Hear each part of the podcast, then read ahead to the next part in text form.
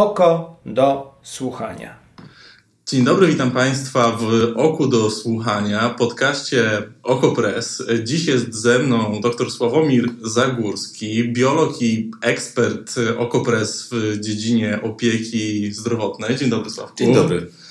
Jak powiedziałeś doktor, to już się bałem, że powiesz, że jestem lekarzem i że musiał kogoś operować. No ale rzeczywiście jestem doktorem nauk przyrodniczych. A chciałbyś kogoś operować w publicznym szpitalu? Wiesz, y, przede wszystkim się do tego nie nadaje, dlatego że mam bardzo małe zdolności manualne, więc myślę, że lepiej było, że dobrze się stało, że nie zostałem chirurgiem. Moja mama była lekarzem i bardzo mnie namawiała na to, żebym został lekarzem. Myślę, że mógłbym być co najwyżej psychiatrą. Myślisz, że młodzi Polacy chcą teraz zostać lekarzami, jak widzą, co się dzieje w e, opiece zdrowotnej? Wiesz co, ja myślę, że to jest jednak zawód, który, jeden z tych kilku zawodów, do których się ma powołanie.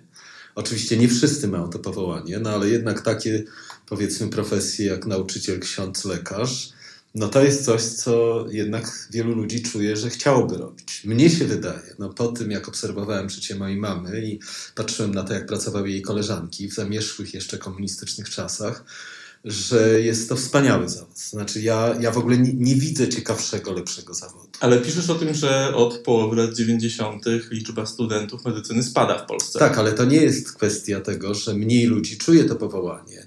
Yy, oczywiście na medycynę zawsze szli też ludzie często z powodu ambicji rodziców, zawsze też szli ludzie z powodu pieniędzy, których no powiedzmy kiedyś właśnie w czasach mojej mamy w medycynie nie było, dzisiaj one są.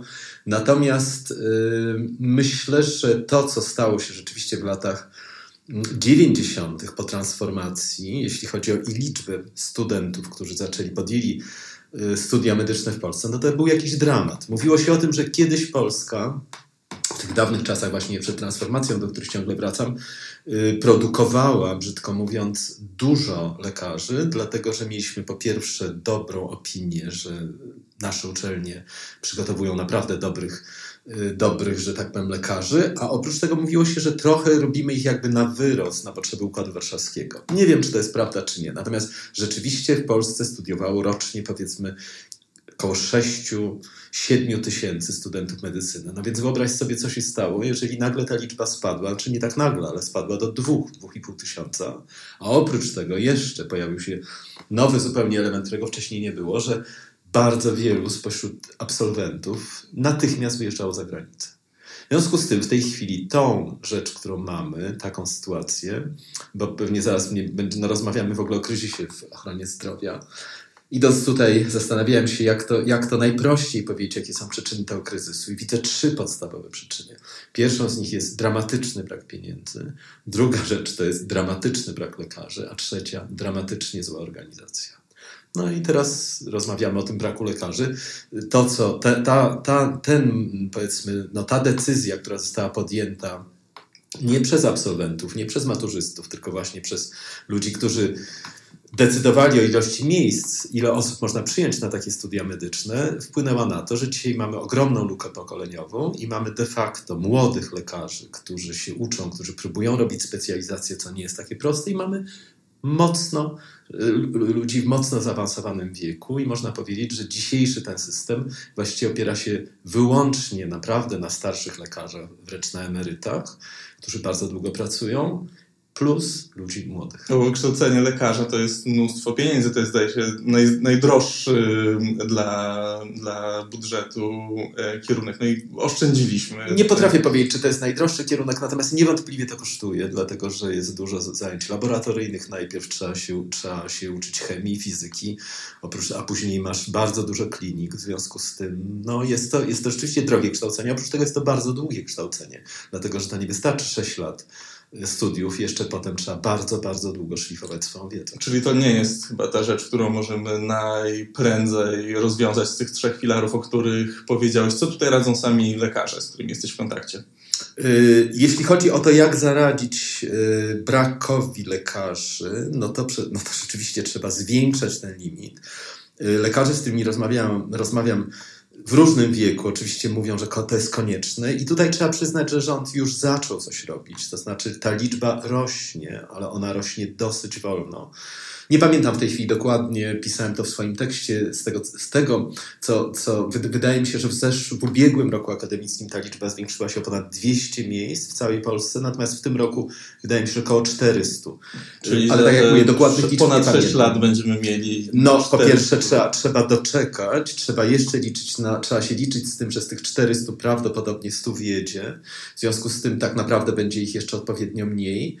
Natomiast yy, lekarze mówią, że yy, to jest oczywiście, i to rząd też już w tej chwili przyznaje, no wszyscy to wiedzą, to, no, że, że, że tego się nie da załatwić w rok, dwa lata. No, nie ma takiej no właśnie, problemy są teraz. Natomiast, natomiast jeżeli wskazują mi ludzie, różni moi rozmówcy, jeżeli byśmy dosypali naprawdę sporo pieniędzy do tego systemu, a to jest po prostu konieczne, no bez tego, bez tego ten system naprawdę ledwo zipie, no to jest, są dwie jeszcze możliwości. Po pierwsze, że jednak część lekarzy wróci do Polski, a po drugie, że to, co jeszcze jest no bardzo złe w polskim systemie, to jest kompletne pomieszanie sektora prywatnego i, państw, i, i państwa publicznego. My w zasadzie, nie wiem jak ty myślisz, ale ja, ja prawdę mówiąc, oczywiście też korzystam z, y, czasami płacę za różne usługi medyczne, chociaż niechętnie, ale Właściwie my żyjemy chyba wszyscy w takim przekonaniu, że my mamy dostępną, bezpłatną służbę zdrowia w Polsce. Jesteśmy ubezpieczeni, w zasadzie czujemy się dosyć bezpiecznie. Nawet obowiązkowo tak. za nią płacimy. Tak, natomiast y, prawda jest taka, że dzisiaj, jeżeli popatrzyłbyś na całe gro wydatków na y, ochronę zdrowia, to aż jedną trzecią płacimy z własnej kieszeni. To jest bardzo dużo.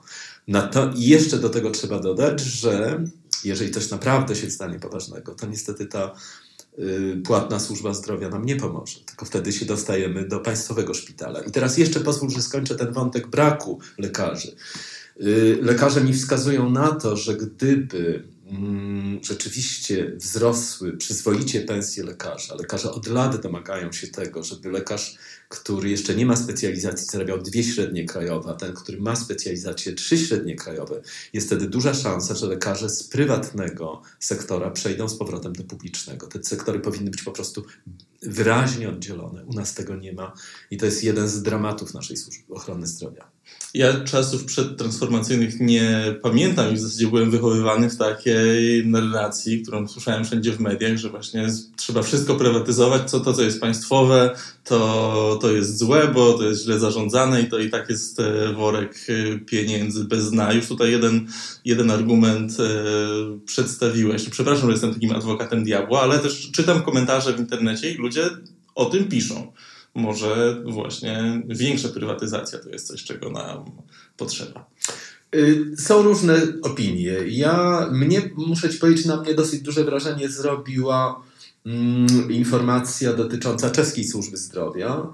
Otóż jeden z rezydentów, z którym bardzo dużo na ten temat rozmawiał, który zresztą pojechał i brał udział w rozmowach z czeskimi lekarzami, on powiedział coś takiego. Czeska ochrona zdrowia była naprawdę jeszcze gorszej sytuacji niż Polska dzisiaj, kilkanaście lat temu, w, w pierwszej dekadzie XXI wieku. I czescy lekarze w którymś momencie podjęli taką akcję: dziękujemy, wyjeżdżamy. Przestajemy pracować, bierzemy zaległe urlopy albo w ogóle składamy wymówienia. I, Coś w rodzaju strajku. No, ale takiego poważnego. I yy, ponieważ zrobiło to ponad około 1 czwartej lekarzy w kraju, ten system tak naprawdę prawie że się zatrzymał w którymś momencie i rząd zareagował na to jednak bardzo wyraźnie dofinansowując ten system. Y, co spowodowało, że w tej chwili dzisiaj, można powiedzieć, ten czeska ochrona zdrowia mogła być dla nas wspaniałym wzorem. I dlaczego jeszcze o tym opowiadam? Dlatego, że w Czechach właściwie nie ma prywatnej służby zdrowia. Jest wyłącznie publiczna służba zdrowia, ale dobrze zorganizowana, dobrze opłacana. Są tam bardzo krótkie kolejki, Oczywiście, że, że y, jakbyś mnie zapytał, czy jest państwo, które ma naprawdę idealną służbę zdrowia, nie ma takiego państwa. Nawet najbogatsze kraje borykają się z kłopotami finansowymi no nie wiem, są rzadkie choroby, gdzie lekarstwa kosztują miliony złotych, są nowe terapie nieprawdopodobnie drogie. No i teraz wiadomo, że tak naprawdę każdy z nas chciałby być leczony najnowszą metodą, najlepszą, najdroższą. Natomiast myślę, że na to nie stać żadnego y, systemu ochrony zdrowia na świecie. Natomiast no, to, co się dzieje w Polsce, no to jest rzeczywiście dramatyczne, bo jeżeli popatrzymy na wydatki na publiczną służbę zdrowia, to one są naprawdę, jesteśmy absolutnie w ogonie Europy i tych pieniędzy jest bardzo mało, a na dodatek są one one marnotrawione, nieprawdopodobnie. No podam Ci jeden przykład z własnego podwórka. Nie jestem specjalnie chorym człowiekiem na szczęście, no ale ostatnio musiałem sobie zrobić dwa badania kardiologiczne, jedna z nich bardzo proste. Tak naprawdę powinienem je zrobić w ciągu jednego dnia przez dwie godziny w jakimś ambulatorium. Natomiast po to, żeby je zrobić, ja leżałem trzy dni w warszawskiej klinice, co kosztowało kupę pieniędzy. Dlaczego to się, tak się stało? Dlatego, że inaczej szpital nie byłby w stanie tego rozliczyć. On nie musi położyć do łóżka. W związku z tym spałem w najdroższym hotelu w mieście, w cudzysłowie. Oczywiście są droższe hotele w Warszawie. To jest absolutne marnotrawstwo. Ja tego kompletnie nie rozumiem, ponieważ taka, coś takiego w Polsce się dzieje od lat. Wszyscy o tym mówią, że to jest jakiś absurd. I nic się nie zmieni. Da, da, się to zmienić? Czy to jest tak, jakby e, obiecywać, o my obniżymy bezrobocie? Przy każdych wyborach słyszę, że e, uproszczenie administracji to będzie e, jeden z głównych punktów programowych. Czy czy lekarze wychodzą z własnymi postulatami, na przykład jak to zrobić? Nie, nie zmieni się oczywiście tego z dnia na dzień, ale, ale wiadomo, że w tym systemie są różne elementy, bo jest podstawowa opieka zdrowotna, która dzisiaj wygląda zupełnie dobrze. Lekarze mają dobre kontrakty, to zostało sprywatyzowane, oni się naprawdę mają nieźle. Natomiast y, ambulatoryjna opieka kuleje z tego powodu, że brakuje miejsc, gdzie można wykonać te badania, brakuje tam lekarzy, no i przede wszystkim brakuje finansowania. No jeżeli y, samo, powiedzmy, urządzenie może stać w takim budynku czy w innym budynku, natomiast chodzi o to, że po to, żeby pacjent z niego skorzystał, no leżał ze mną razem w tym samym, w tym samym że tak powiem, szpitalu warszawskim inny pacjent, który przez, przez dwa dni w ogóle mu nic nie zrobiono, dlatego, że jednego dnia się w ogóle tylko trzeba zapisać, drugiego dnia czekał na badania, ale się nie doczekał, więc de facto cztery dni tam spędził zamiast trzech. Pomnóż to przez koszty jedzenia, sprzątania, prania pościeli, opieki pielęgniarskiej, salowej i tak dalej. Mm, w jednym ze swoich tekstów porównujesz e, sytuację za e, Prawa i Sprawiedliwości do e, sytuacji za Polskiej Zjednoczonej Partii Robotniczej. Ja próbowałem sobie przypomnieć i mm, odkryłem, że bardzo mało wiem o tym, jak wyglądała opieka zdrowotna w minionym systemie. Wiem, że stał ocet na półkach, wiem, że stały czołgi na ulicach i to jest taka dominująca narracja, natomiast nie jesteśmy uczeni w żaden sposób o tym, nie pamiętamy jak e, wyglądał e, poprzedni system właśnie pod tym względem, e, co nam dała wolna Polska, w jakim miejscu już byliśmy i, i gdzie jesteśmy teraz pod koniec 2019 roku. Wiesz co, w momencie, kiedy, kiedy znaczy rzeczywiście przypomniałem tam taki kawał, no, powtarzany, że jeżeli partia mówi, że, nie, że, yy, że da, nie, przepraszam, jeżeli partia mówi, że nie da, to nie da. Jeżeli mówi, że da, to mówi. No więc to akurat mi się kojarzyło z obietnicami pisowskimi. Jest taki jeszcze inny slogan, jeden z moich ulubionych z tamtych czasów. A to jest autentyczny napis, który widziałem chyba w, na północy Polski na wakacjach. Było napisane partia walczy z narodem o lepsze jutro. No więc nie, nie wiem, czy to odnosi się... Prawo i Sprawiedliwość tak, walczy z narodem. Tak, natomiast, natomiast muszę Ci powiedzieć, że y, Wiadomo, że wspomnienia z młodości są zawsze troszkę, że tak powiem, y, uróżowione i ponieważ byliśmy młodzi, to wydawało nam się, że świat jest piękniejszy. Ja doskonale oczywiście dostrzegałem niedogodności różne i yy, przykrości tamtego systemu. Natomiast jeśli chodzi o opiekę zdrowotną, to muszę Ci powiedzieć, że po pierwsze, to co wspomniałem w tekście, Mieliśmy wszyscy opiekę dentystyczną w szkołach, czego dzisiaj nie ma i dopiero teraz specjalną ustawą to się, że tak powiem, z powrotem wraca. Po drugie, y, myślę, że no mieliśmy właśnie dobre kształcenie lekarzy, mieliśmy wielu lekarzy.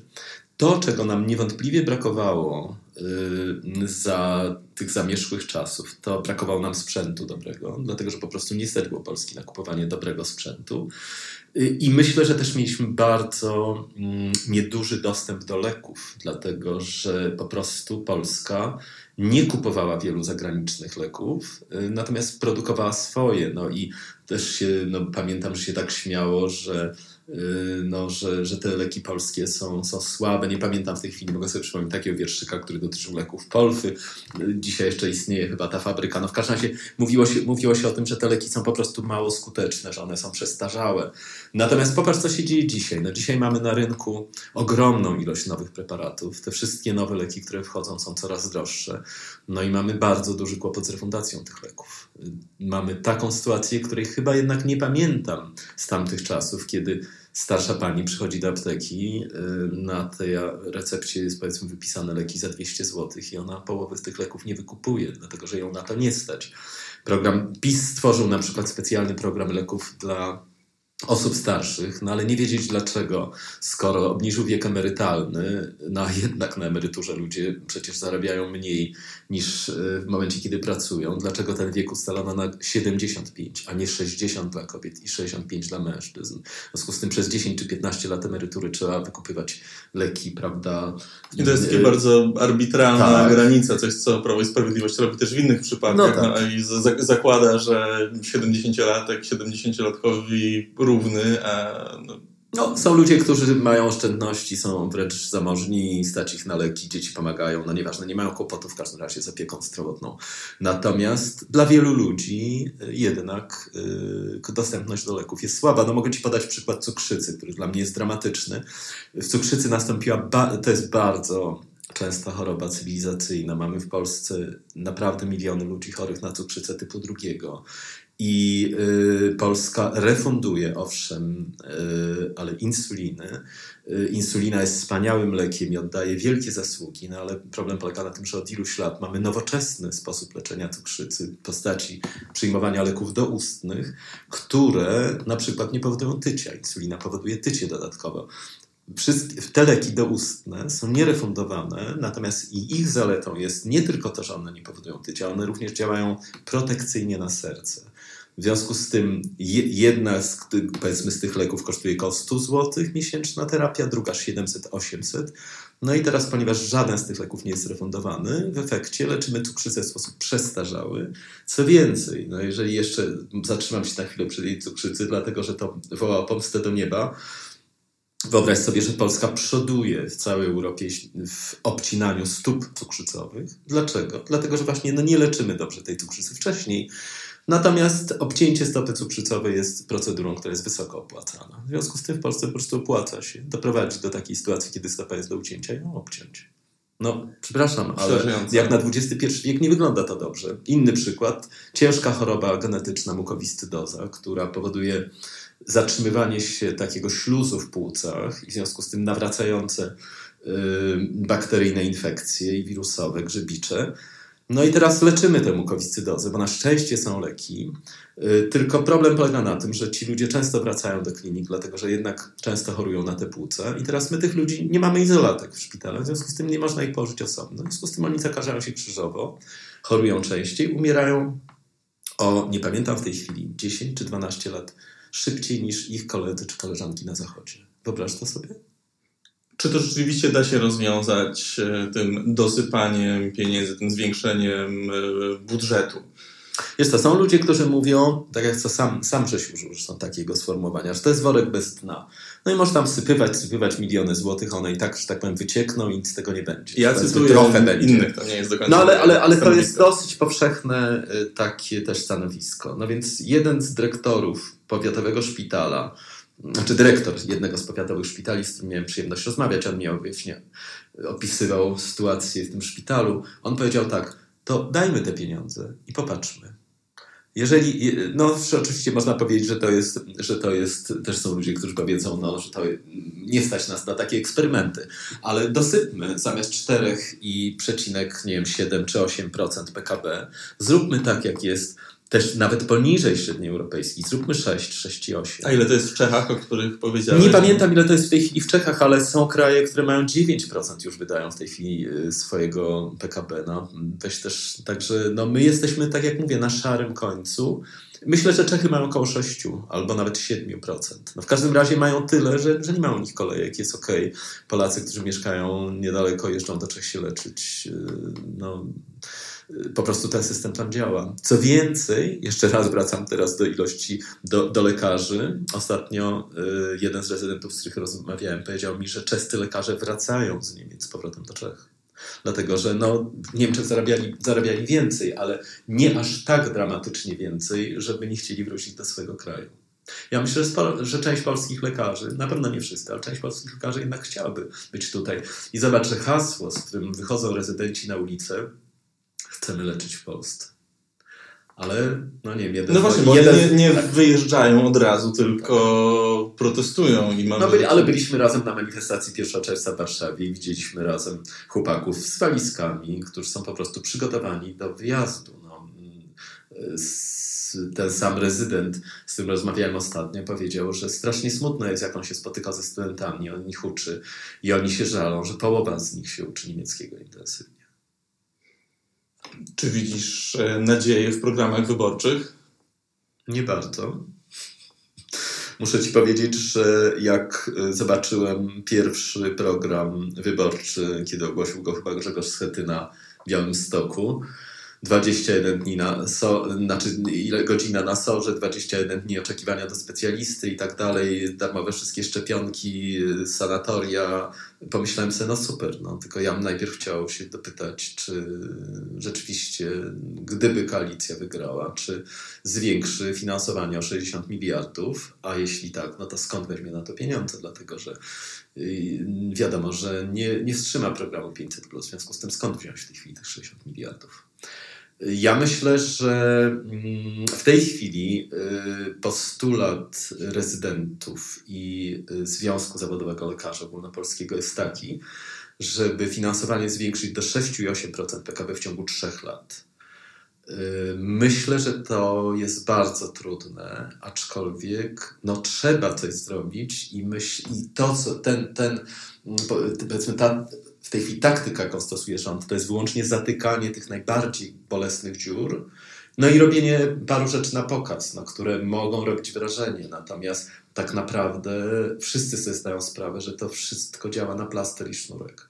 I yy, no nie wiem, 60, ponad 60 szpitali zamkniętych w Polsce, chociaż jest ich trochę za dużo, no ale z drugiej strony trzeba też się zastanawiać, jak to robić, bo trzeba też być może zamykać niektóre szpitale w sposób przemyślany, może niektóre z nich należy przekształcać w system, w jakieś takie y, zakłady długoterminowej opieki dla starszych ludzi. Ciekawą, y, ja, ja rzeczywiście w wyborczych programach muszę Ci powiedzieć, że nie widzę wielkiego, wielkiej nadziei tutaj. Natomiast, no ponieważ jest czas przedwyborczy, jednak się odbywa wiele dyskusji w związku z tym, no, na pewno też pojawiają się niektóre pomysły. Myślę, że dosyć ciekawy, ciekawy, ciekawą taką sensowną rzecz przeczytałem ostatnio w raporcie przygotowanym przez eksperta Fundacji Batorego. Wczoraj zresztą była w Warszawie taka narada na ten temat. Jest mowa o tym, że PiS obiecał w ogóle zlikwidowanie NFZ-u czyli głównego płatnika w Polsce. To był jeden z głównych. Tak, to w ogóle nie nastąpiło. Natomiast i prawdopodobnie to nie nastąpi i może nie powinno nastąpić. Natomiast chodzi o to, że myśl, która jest y, główna, która jest w, przedstawiona przez eksperta z Fundacji Batorego, zresztą jego tekst też opublikowali, około publikowało, jest taka, że powinniśmy y, no, odejść od takiego centralnego planowania i centralnego budżetowania, że te pieniądze powinny zostać, bo w tej chwili już bardzo dużo rząd odpowiedzialności przepycha na samorządy, natomiast niestety nie daje na to pieniędzy. No w związku z tym, jeżeli szpital, jedyną nadzieją dla niego, żeby on przetrwał powiatowy szpital, to jest dostanie pieniędzy samorządu, no a samorząd ma dofinansowywać szkoły, x rzeczy ma robić w terenie, więc jeżeli nie jest w stanie tego zrobić, wtedy szpital się zamyka. Więc propozycja y, Fundacji Batorego jest taka, żeby, te, żeby odpowiedzialność rzeczywiście przeszła na samorządy, ale za tym, żeby poszły pieniądze. Natomiast, żeby ten centralne ministerstwo, powiedzmy, żeby zostawiło sobie część nie wiem, najważniejszych szpitali w kraju, klinik, y, powiedzmy tych najważniejszych ogólnopolskich i również, żeby wytyczało, żeby wytyczało standardy, żeby jakby dbało o, ca o całość, natomiast żeby nie, nie musiało być, że tak powiem, no, decydentem w każdej drobnej sprawie w ochronie zdrowia w Polsce. A po drugie jest taka y, też, wydaje mi się, ciekawa koncepcja tworzenia takich zakładów leczniczych, które z jednej strony mogłyby spełnić to, o czym mówiliśmy, czyli tę ambulatoryjną na przykład diagnoza. Jednocześnie pod tym jednym dachem takiego zakładu publicznego mogłoby się zmieścić ileś rzeczy potrzebne środowiskowo w mniejszych miejscowościach, czy też trochę większych. Między innymi tam mogłaby trafić psychiatria, no, o której dzisiaj żeśmy nie poruszyli, a która, jak wiesz, tonie w Polsce. Sławku, bardzo Ci dziękuję za rozmowę. Przepraszam, Myślę, że dosyć pesymistycznie to wszystko zabrzmiało. Eee, jeszcze przychodzi mi do głowy coś takiego, że no jeden z moich rozmówców, z którym stale się zastanawiamy nad tym systemem, on mówi, będę walczył dopóki się da. Jeśli nie, no to niestety wyjeżdżam. No więc ja wielką mam nadzieję, że on nie wyjedzie. Ja bym bardzo chciał. Jest naprawdę bardzo wielu fajnych, młodych lekarzy, tak jak mówię, czujących powołanie, którzy się uczyli po to, żeby, żeby leczyć ludzi, ale oni chcieliby też godnie pracować w jakimś sensownym wymiarze czasu. Chcieliby się douczać, bo ten zawód cały czas wymaga ciągłej nauki i chcieliby jeszcze przy okazji no, móc w miarę godnie zarabiać, przyzwoicie żyć. Życzmy naszym słuchaczom w takim razie zdrowia, ale chyba przede wszystkim tego, żeby władza nadchodząca, ta, którą będziemy mieli po wyborach, posłuchała e, ekspertów i lekarzy, bo inaczej z tym zdrowiem może być krucho. Jeszcze raz, bardzo Ci dziękuję. Bardzo dziękuję Ci dziękuję, bardzo. że przedstawiłeś nam trochę pozytywnych e, też pomysłów na to, a nie tylko e, narzekania ojej, ojej, jest źle, bo to chyba każdy z nas, kto przychodzi do lekarza i słyszy, że będzie musiał czekać 7 miesięcy na e, zabieg czy spotkanie w ogóle, to, to już wie, ale to jest tylko czubek góry lodowej, te, te, te kolejki z tego, e, z tego, co mówisz.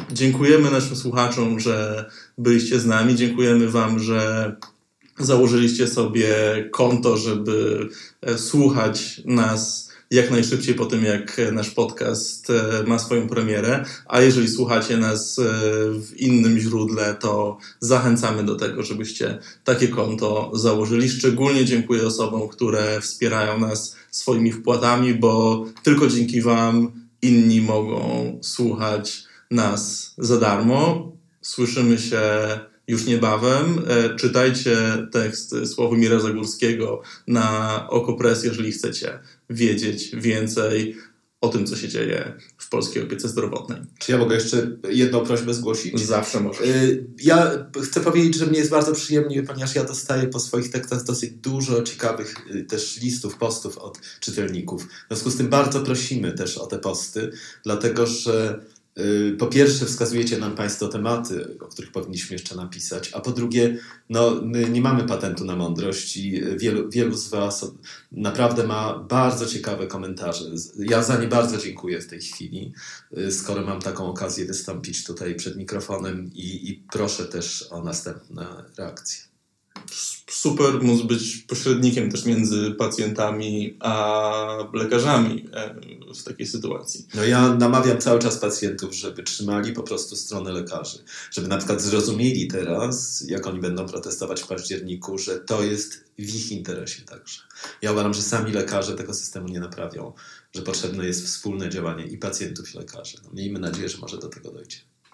Dziękuję Ci bardzo jeszcze Dziękuję. raz i e, życzę no tak, jeszcze raz zdrowia. Zdrowia.